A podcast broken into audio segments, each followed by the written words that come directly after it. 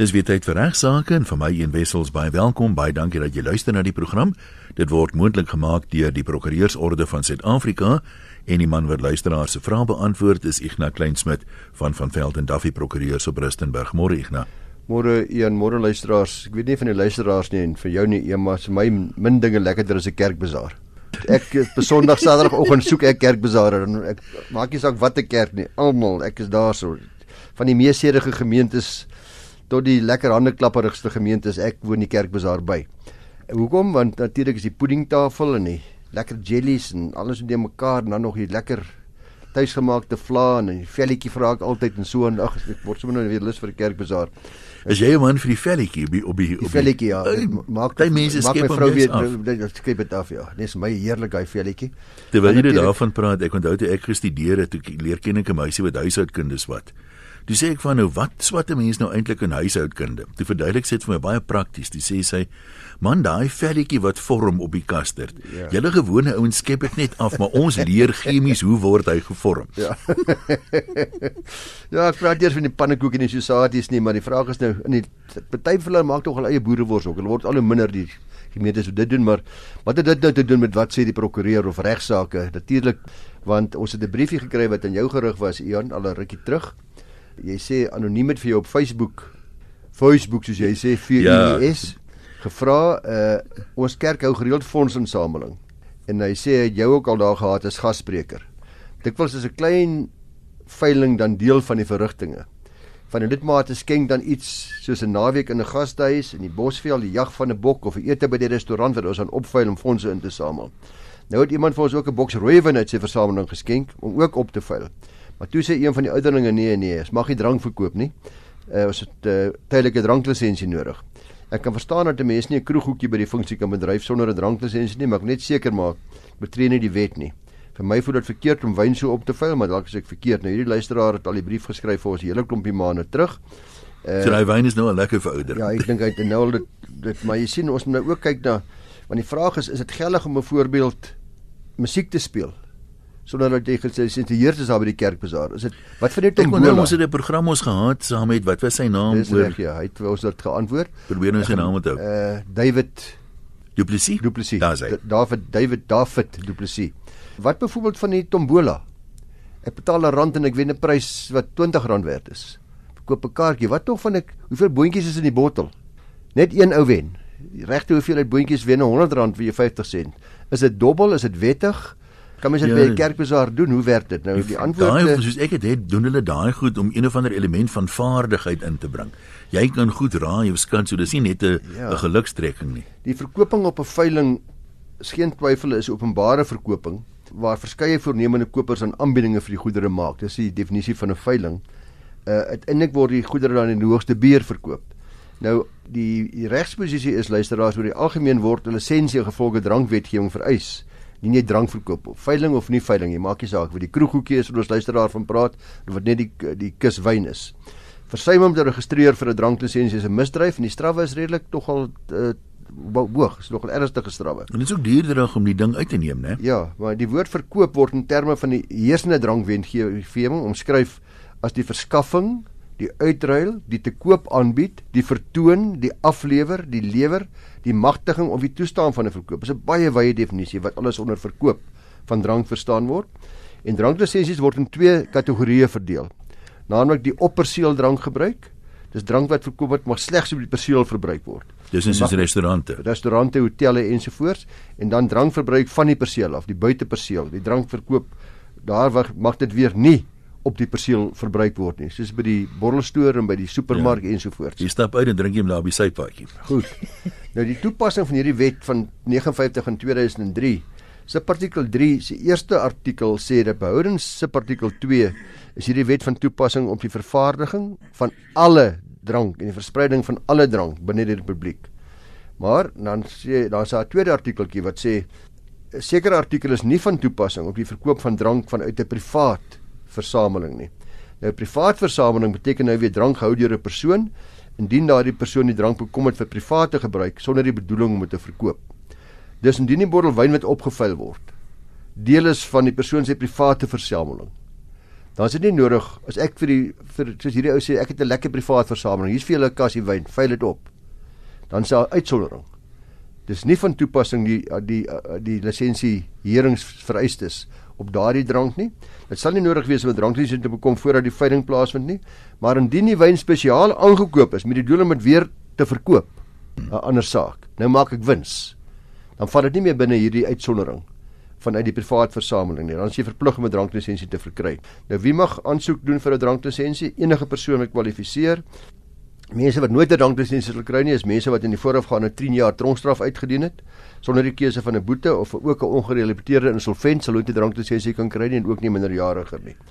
Uh, dus luisteraars, die wynveiling by die kerk of liefdadigheidsorganisasie se denee daai soort van goeders geen probleem nie. Indien uh, geen probleem ook byvoorbeeld as die wyn wat dikwels gebeur die wynlandgoed bekom self dan as jy ons skryf vir die wynveiling kom aanbied. Nou hulle is natuurlik gelisensieer. Hulle kan by jou denee kom 'n uh, eh, wynveiling hou by jou funksie of by jou kerk of waar ek nogal geen probleem nie so dit val dan onder hulle dranklisensie val onder hulle dranklisensie dan net laastens oor die dranklisensie as daar 'n kantoorfunksie is byvoorbeeld en jy drank aangekoop vir gebruik van personeel gratis geen probleem nie uh jy koop die drank aan, uh jy gaan dit jy gaan nie wins maak nie, dis maar net jou eie partytjie wat jy hou. Maar indien ek wil verkoop, anderswoorde ek koop nou 1000 rand se drank aan en almal by die kantoor kan nou weer by my drank koop.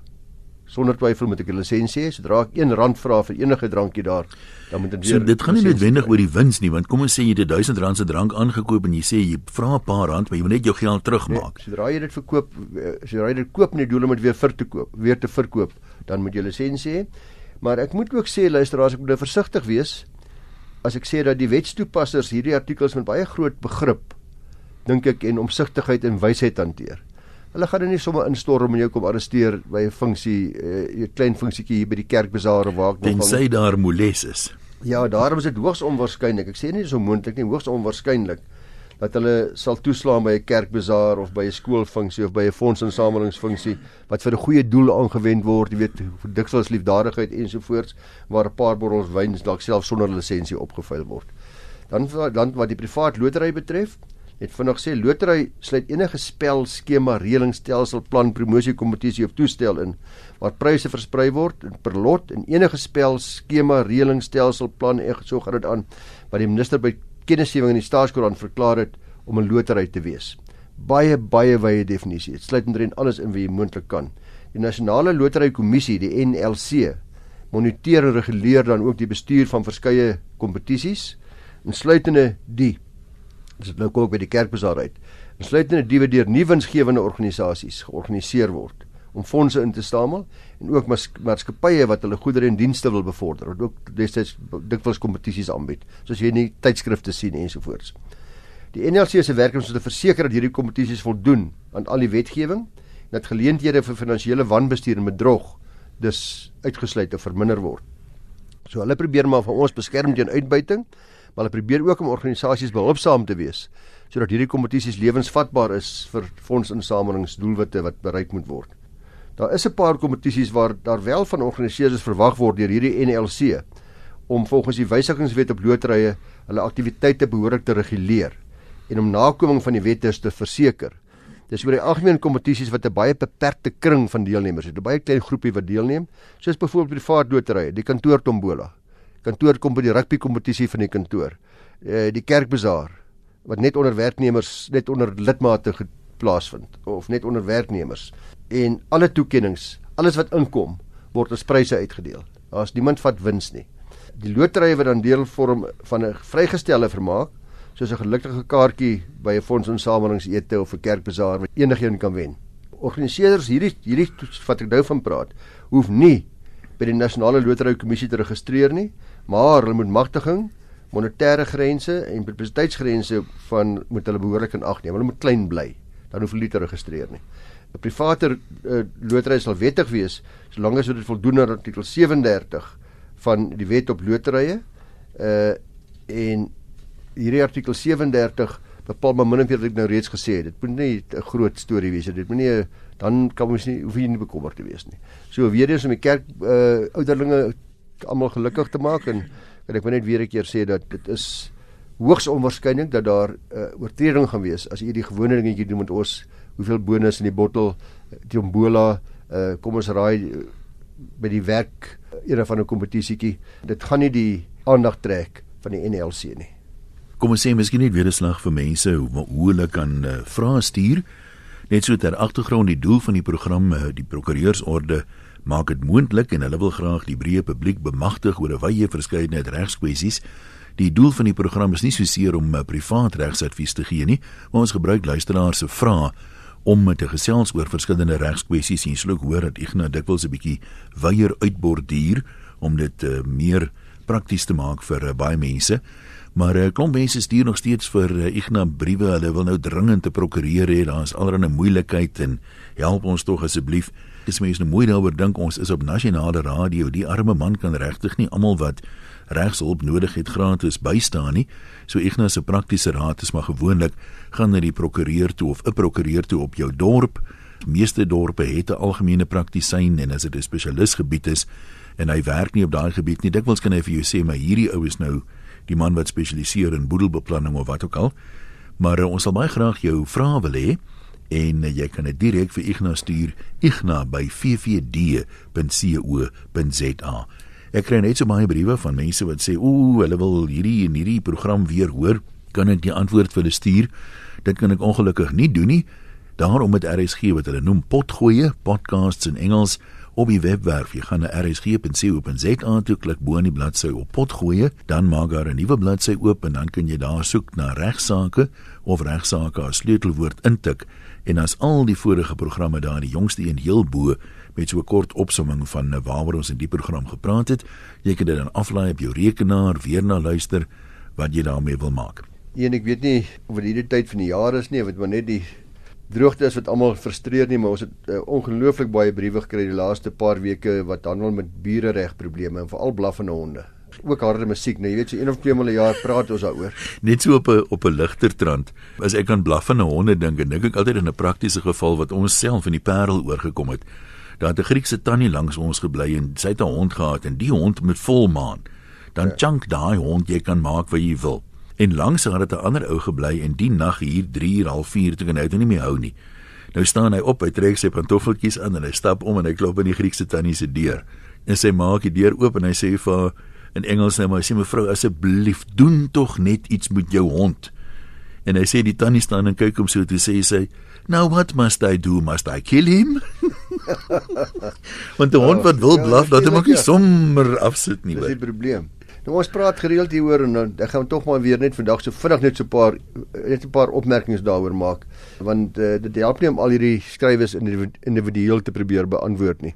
So net 'n paar algemene beginsels. Die eerste is dit almal van ons geregtig is en dis baie duidelik volgens die gemeenereg en en ander wetgewing en plaaslike uh, wetgewing dat waar ons woon moet ons so kan lewe dat ander mense nie die gebruik of die genot van ons eiendom aantas nie. Ek dink die meeste van ons wat luister weet hoe die geblaf van 'n hond in die nag vir jou tot raasternay kan dryf en hoe minder jy slaap, nag vir nag groter word die verwyte met die buurman en die blaf van honde. Nou sommige van die briewe wat ek ontvang dui duidelik op oorsensitiewe luisteraars. Uh, ek gaan dit maar sê, daar's daar's nou nie name by nie. En dis 'n een belangrike reël van oorlas of geraas of burereg dat dit die redelike persoon se vrede sal versteur. En nie toets is nie hier die hypersensitiewe persoon nie uh, ons moet tog maar leef en laat leef. Al moet ons al hoe nader aan mekaar woon en steek. Ek het byvoorbeeld nou een brief gekry wat sê die dogter het 21 jaar geword. Dan was hy helse partytjie tot 0.30 die oggend. Nou dis nie 'n ding wat elke aand gebeur dit het nou in een keer gebeur. Hierdie luisteraar wil hof toe, hy wil hy wil prosedeer. Uh nou nou ek ek sê maar vir hom as hy nou luister dat uh u gaan nie hof gaan nie met u simpatie hê nie. Dis 'n soort van ding wat 'n goeie buurman man sal verdra as die kinders een keer in 'n jaar of twee keer 'n jaar 'n partytjie wat dalk na middernag aangaan. Ek sê altyd met hierdie goed, die groot probleem is as hulle die musiek speel waarvan jy hou, is dit nie naaste by so hard as wanneer hulle musiek speel waarvan jy nie hou nie. Ja, ja. Dit dis dit werk ja, ja, mos ja. nou so. Daar is wetgewing wat in wat van toepassing sal wees wanneer honde onhoudbare lawaai maak, onder andere uh, is daar wetgewing wat met omgewingsbewaring werk en dan veral die geraasbeheer regulasies wat in terme van daardie wet uitgereik is. Ons het dit 'n paar maande terug baie in detail gehanteer, Jans jy onthou, ook wat die desibels is ensovoorts. Ja, ja. Die wet maak dit duidelik dat ons as honde eienaars nie moet toelaat dat ons honde oorlas veroorsaak in terme van hierdie wet nie. 'n uh, boete van 'n maksimum van R20000 of of tronkstraf van 2 jaar kan opgelê word indien honde se eienaars uh, hierdie regulasie oortree of toelaat dat dit oortree word. Nou ek kry talle male op hierdie program uh, het ek al gesê dat daar soveel duur en uitgerekte hofsaake vermy kon word as daar net vriendskaplike pogings aangewend was om die probleem op 'n vriendelike manier op te los. Die probleem ontstaan gewoonlik omdat op die stadium wat die buurman geskakel word soos jy nou nou gesê het van die ou tannie, as jou frustrasies al so oorloop dat dit eintlik 'n aanval is in plaas van 'n vriendelike versoek. Ek glo dat in die oorgrootste meerderheid van gevalle Union luisteraars sal redelike en billike gesprekvoering moontlik tot 'n oplossing lei en ek kan dit nie sterk genoeg aanbeveel nie. Ons weet almal tog, hofsaake is regtig baie duur. Die grootste probleem is dat terwyl die hofsaak voortduur, wat soms jare kan duur, word die probleem nie werklik opgelos nie. Uh die blaf van honde is dalk al lankal oorlede op ja. die stadium wanneer die saak uiteindelik in hof is. Die dogter is nou al 21. Ja, korrek. Nou soos ons almal egter weet, is alle buurmense nie ewe billik nie en uh, nie almal ingestel op vredesame oplossings nie. Ongelukkig soms is ek verplig om jou prokureur te gaan spreek en die meeste prokureurs, ek hoop eintlik almal, sal waarskynlik eers 'n vriendelike skrywe aan die buurman rig waarin hy hom wys op al die probleme en die moontlike nagevolge wat insluit boetes, asook vergoeding en hoë reskoste en hopelik sal hierdie skrywe in die meeste gevalle die saak dan bereder. Een ding uh, wat mense ook net in gedagte moet hou, ek dink altyd daaraan as ek as ons oor hierdie tipe ding praat. As jy mense nou kyk na kommunikasie, hulle sê iets so 7% van kommunikasie is die woorde wat jy gebruik. Die grootste deel daarvan is stemtoon en lyfstaal en so aan. Ja, so ja. jy weet dan staan 'n mens nou daar en jy wil nou gaan praat, maar jy het 'n donderwolkie om jou kop en mense kan sien hierdie man is net diskant aanranding so ja. dikwels moet die mense ook maar diep asemhaal en kyk of jy nie net meer toeganklik kan lyk voor jy hierdie nou eerste woorde sê nie. Ja, gaan daar's baie mense wat vir jou sal sê een met burereg dat die frustrasies het so erg geword en die oplossing so nie goed, goed genoeg vir hulle nie dat hulle later maar huis verkoop en in trek en en weggaan. Uh en dit is uh dis jammer dat dit so moet wees want uh, uiteindelik het jy geen keuse anders as om die hof te nader met 'n interdik nie. En as dit nou weer gebeur, wanneer gaan dit nou 3 jaar later jy gaan jy dalk nou tronk toe? Wat gaan gebeur nie maklik nie. Ek het amper vergeet ook natuurlik om te sê dat dat hier ook die plaaslike owerheid, die plaaslike munisipaliteit kan natuurlik ook nader genader word. Hulle het ook regte waarmee hulle kan handel in terme van hulle plaaslike ordonnansies of regulasies. Dit sluit in by alle munisipaliteite dat hulle gemagtig is om ook stappe te neem om enige probleem van oorlas soos die blaf van honde te probeer oplos in hulle munisipale gebied. So jy kan 'n skriftelike klagte ook by die munisipaliteit gaan indien as jy dit nog nie gedoen het nie. Jy kan self so ver gaan. Hulle kan self so ver gaan om my dier te laat skud. Daar is nog baie munisipaliteite wat nog steeds uh, hulle skudwetgewing toepas. As die buurman dan nie hulle bevele om die saak op 'n sekere wyse op te los wil nakom nie. Ek dink baie mense se eerste reaksie, weet as dit nou aan die gang is om dit gestop te kry, is om die polisie te bel en te kla oor rusverstoring. Nou met 'n harde partytjie het ek al ervaar self vir die polisie kom en sê vir die ouens asseblief jy weet net tot 11 uur of dra dit bietjie sagter of wat ook al ja. ek weet nie met honde wat hulle veel kan doen daar nie maar wat jy dan baie keer kry die die die die sif soos die mense in die Kaap sê die polisie vang waar is net om die hoek aan ja. draai dan weer oop ja ek is nog steeds by honde luisteraars en hoe diere eienaars hulle moet hanteer want uh Een ek het gaan kyk op 4 September het ons ook gepraat oor uh, die spreeklikheid van diere eienaars en uh Ek kan gerus met daai pot gooi gaan luister as jy sou wou. Maar Barry Hegter skryf aan my en vra wat is die posisie as jy komitee van 'n huiseienaarsvereniging toestemming verleen dat 'n inwoner 'n hond mag aanhou en daardie hond ontsnap nou deur 'n tuinhekkie wat deur die tuinwerker oopgelaat word of deur die eienaars of deur 'n oop voordeur en by dan 'n kind of iemand op die gemeenskaplike area van ons kompleks. Sy vraag is eintlik of die komitee wat toegelaat het dat toeteldiere aangehou word dan ook aangespreek kan word vir enige eise in hierdie verband veral as dit dan nou groot en aggressiewe honde was. Hy maak dan 'n belangrike opmerking naamlik dat die moontlikheid maar altyd bestaan dat diere kan ontsnap en mense ernstig kan beseer en dat die komitee dit tog moet verstaan dat, dat dat hulle dan ook nalatig is met ander woorde. Uh, ja, Barry is 'n baie interessante vraag. Ek het uh, as ek sê dit op 4 September alreeds baie duidelik gemaak dat die aanspreeklikheid van die van eienaars van diere gegrond op nalatigheid en selfs ook skuldlose aanspreeklikheid wanneer nalatigheid nie eens nodig is nie kan plaasvind. Op jou voorbeeld is die vraagtekens wat gevra moet word of die ontsnapping van die hond gewyd kan word in 'n nalatigheid is jammer van die eienaar of 'n werknemer van die eienaar. As jy tuinier byvoorbeeld die tuinnetjie oopgelaat het, sal daar 'n moontlikheid wees vir middelike aanspreeklikheid.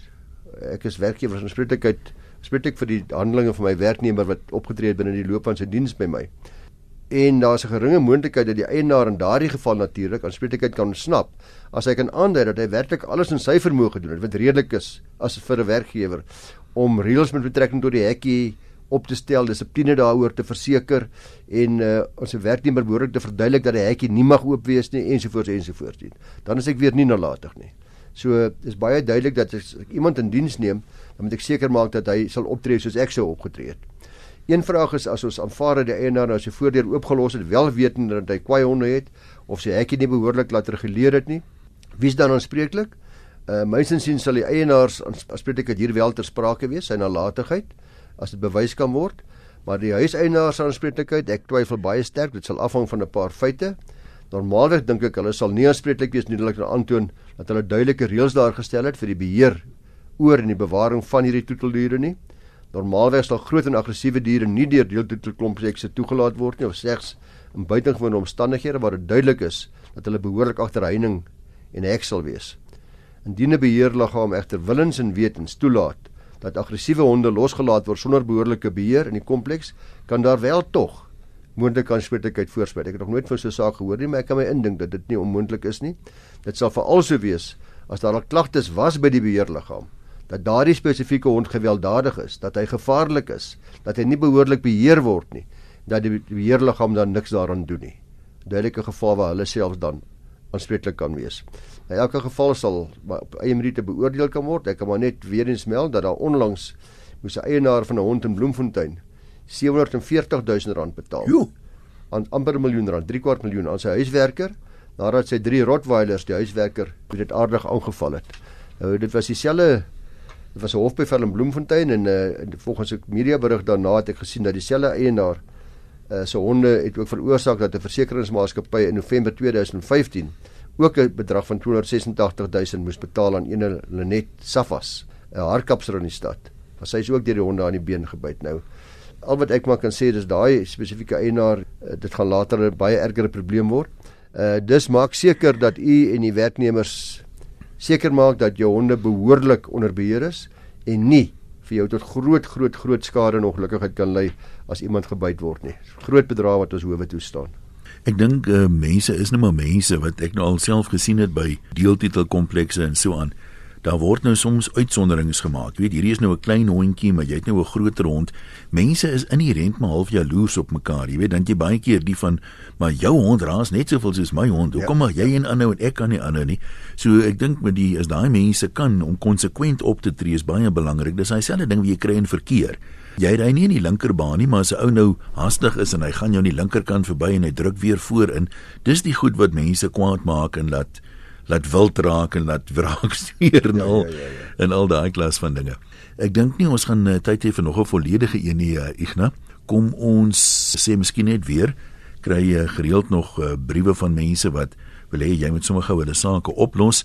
Ignas kan dit ongelukkig nie doen nie, maar ons gebruik graag jou vrae om uh, te bespreek hier op regsaake. Die doel van die program hoekom die prokureursorde dit moontlik maak, is juis om die breë publiek te bemagtig oor 'n breë spektrum van regskwessies. So ongelukkig kan ons Ignas nie self betrokke raak nie. Jy kan wel jou vrae vir hom stuur na igna@ffd.co.za. En onthou al die programme is ook beskikbaar as potgoeie op RSG se webwerf. Baie dankie, dankie dat jy geluister het. Ignas sê vir jou dankie ons maak volgende maandag weer so. Dankie Jan, totsiens luisteraars.